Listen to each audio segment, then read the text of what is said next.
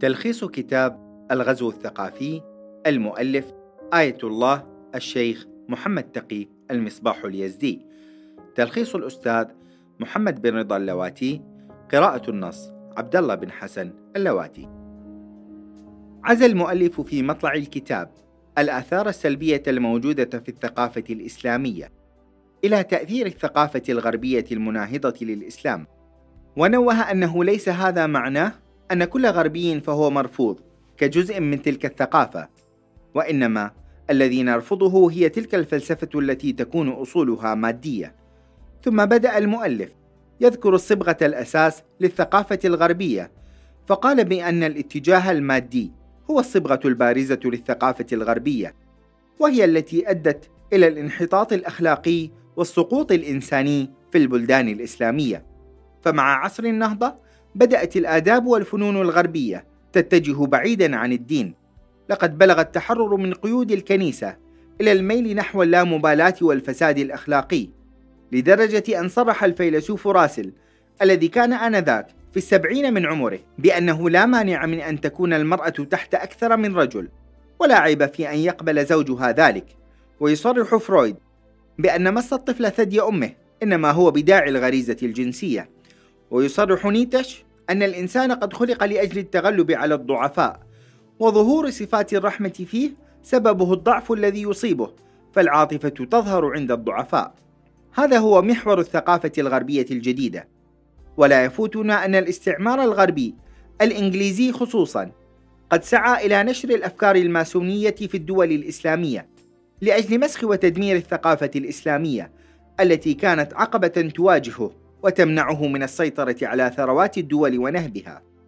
ذكر المؤلف أيضا أن نزعة التفوق التي انتابت الغرب بوصف بقية الأعراق بالسيئة كانت مما روجته الثقافة الغربية، حتى أن المحقق إدوارد سعيد ذكر أن الأوروبيين قد كتبوا أن الإنسان الشرقي ينفر من العلم وفاسد وطفولي الخلق، بخلاف الإنسان الغربي المحب للعلم والطاهر وطبيعي الخلق.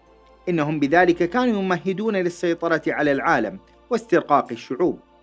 ثم انتقل المؤلف إلى الأداة الأهم للسيطرة، فقال بأن السيطرة الثقافية تعتبر من أخطر الطرق المستخدمة في السيطرة الاستعمارية، وهي من أخفى الطرق كذلك، لأنها تقوم بإبادة الأفكار والعقائد والقيم الإسلامية. ونقل شاهدا من كلام هربرت سبنسر الفيلسوف الإنجليزي الذي يقول: علموا أخلاقكم وآداب لغتكم وحضارتكم شعوب الدول التي تسيطرون عليها ثم اتركوهم وشأنهم فإنهم سيكونون لكم دائما. بعدها ذكر المؤلف بأن واحدة من أهم الحقائق الإسلامية هي أن الله لا يسمح للمسلمين بالاستكانة تحت إذلال المشركين الكفار والمنافقين لهم. وعد المؤلف هذا الأصل الإسلامي الأصل الثابت الذي يعرفه جيدا كل من له أدنى اطلاع بمبادئ هذا الدين المقدس. قال تعالى ولن يجعل الله للكافرين على المؤمنين سبيلا.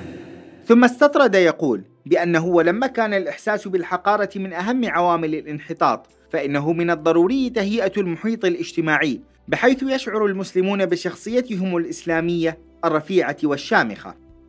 إن قائد المجتمع يعمل على تحقيق الروح الإيمانية وروح الاقتدار بين الناس ورفع القدرة العسكرية الدفاعية للمجتمع حتى لا تتجرأ القوة المعادية على تجاوز حدود المسلمين ولا يسمح للأعداء بتحقير المسلمين ويوفر الأمور الضرورية لبلوغ المجتمع الإسلامي التكامل في كل مجالات الحياة. على هذا فلو سمح لبعض الأشخاص بأن يتهجموا على الإسلام في المجتمع الإسلامي فهذا لون من الإذلال وتحقير المسلمين. لكن للأسف فإن الأعداء قد نجحوا في ذلك إلى حد ما خصوصا وأن التكنولوجيا قد حطمت كل الأبواب. ثم نقل المؤلف كلاما للإمام الخميني يقول فيه إن إصلاح الثقافة وإنقاذ شبابنا من التبعية للغرب يقع على رأس جميع الإصلاحات فإنه توجد لدينا تبعية في كل شيء وعلى رأسها تبعية الأفكار.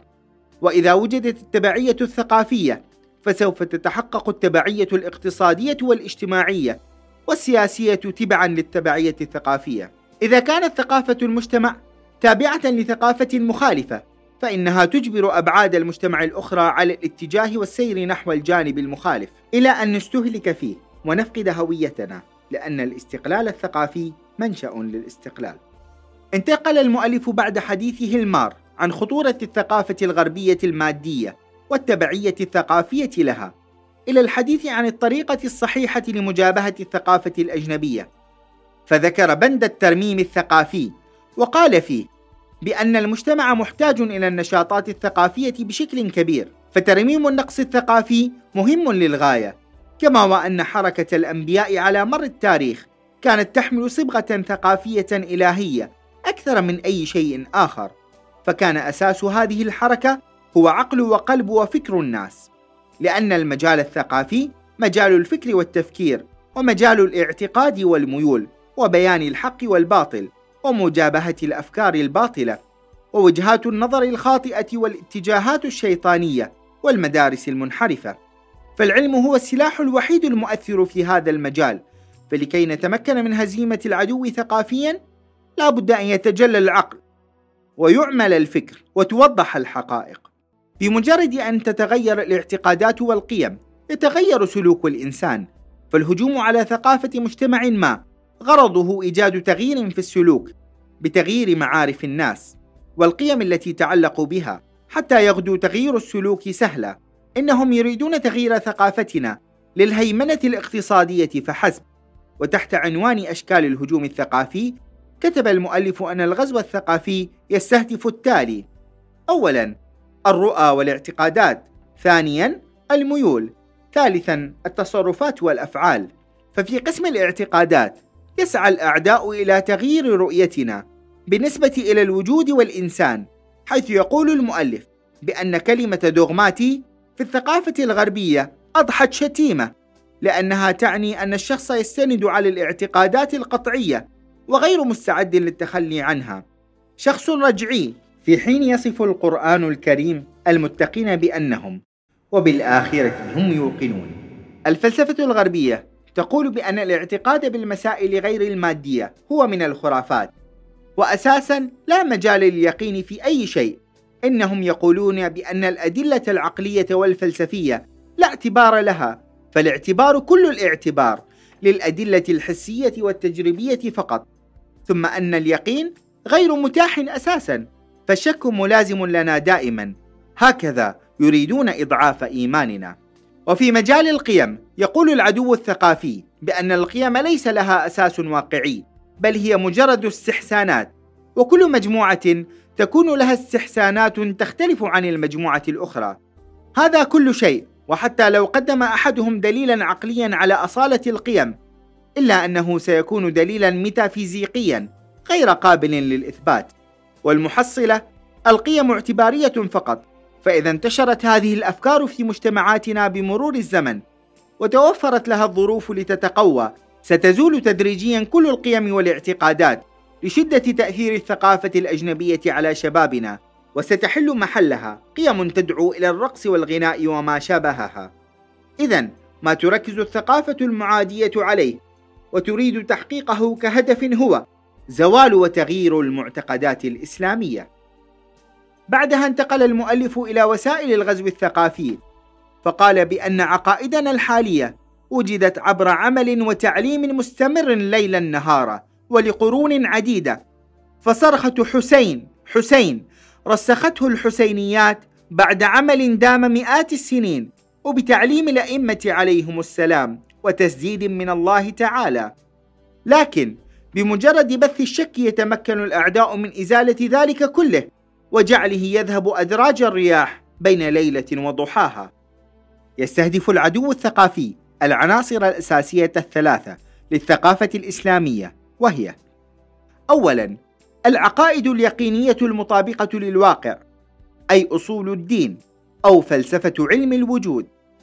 ثانياً القيم والأعمال الحسنة والأخلاق الإسلامية التي يصفها الإسلام بالأبدية، أي القيم الثابتة لا الأمور الجزئية المتغيرة. ثالثا الأحكام الشرعية.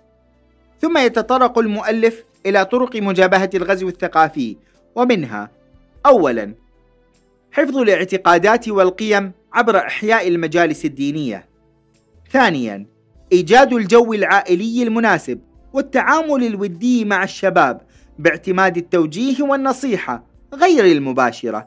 وكذلك علينا الاهتمام بالأطفال بالملاطفة والمنطق وبلا خشونة. ثالثا نشر فوائد القيم الإسلامية بشكل منطقي استدلالي وتوضيح الأضرار الناجمة عن إهمالها. رابعا تهيج المشاعر والأحاسيس وهو عنصر مهم جدا ويستخدمه العدو الثقافي فهو لا يستخدم الدليل والمنطق. بل يستخدم الدعاية المركزة لتلقين القيم الباطلة وبشكل منظم دقيق عبر كل أدوات التأثير. خامسا توعية الناس بأهداف مروجي الثقافة الغربية. سادسا ممارسة الهجوم الثقافي ضد الثقافة الغربية. سابعا نشر القيم المعنوية. ثامنا تقوية الحركة الثقافية وإيجاد الارتباطات بالمراكز الإسلامية في الدول الأخرى وتقييم الاحتياجات الثقافية والتبليغية لتأمين الاحتياجات الدينية لهذه المراكز. تاسعا أن نقوم بتعيين النقاط المستهدفة للهجوم الثقافي الغربي وأهمها الرؤى والعقائد والقيم والميول والتصرفات التشريعية. ختاما ذكر المؤلف وظيفة النخب الثقافية ووظيفة أخرى لعامة الناس تتعلق بالدفاع عن الثقافة الإسلامية. فأما وظيفة النخب الثقافية فهي من وجهة نظره أولا صيانة الحوزات العلمية والجامعات من استهداف الغزو الثقافي لها. وثانيا معرفة العناصر الأساسية للثقافة الإسلامية على مستوى اليقين ومنع تغلغل الشك في الاعتقادات وفي منظومة القيم وكذلك في الحلال والحرام الشرعيين وتشجيع الجميع على العمل بالمسائل الشرعية. وأما وظيفة عامة الناس فهي التعليم الديني وإقامة الدورات التعليمية والالتحاق بها بغض النظر عن العمر. فلا نقول بأنه قد مضى من عمرنا الجزء الأكبر وما أصبحنا كفارا. فلقد ابتلع الشك اشخاصا بعدما بلغوا من العمر الثمانين. هذا إلى جانب إحياء المجالس الدينية والتعامل الودي مع الشباب بصورة تضمن عدم نفورهم من الثقافة الإسلامية.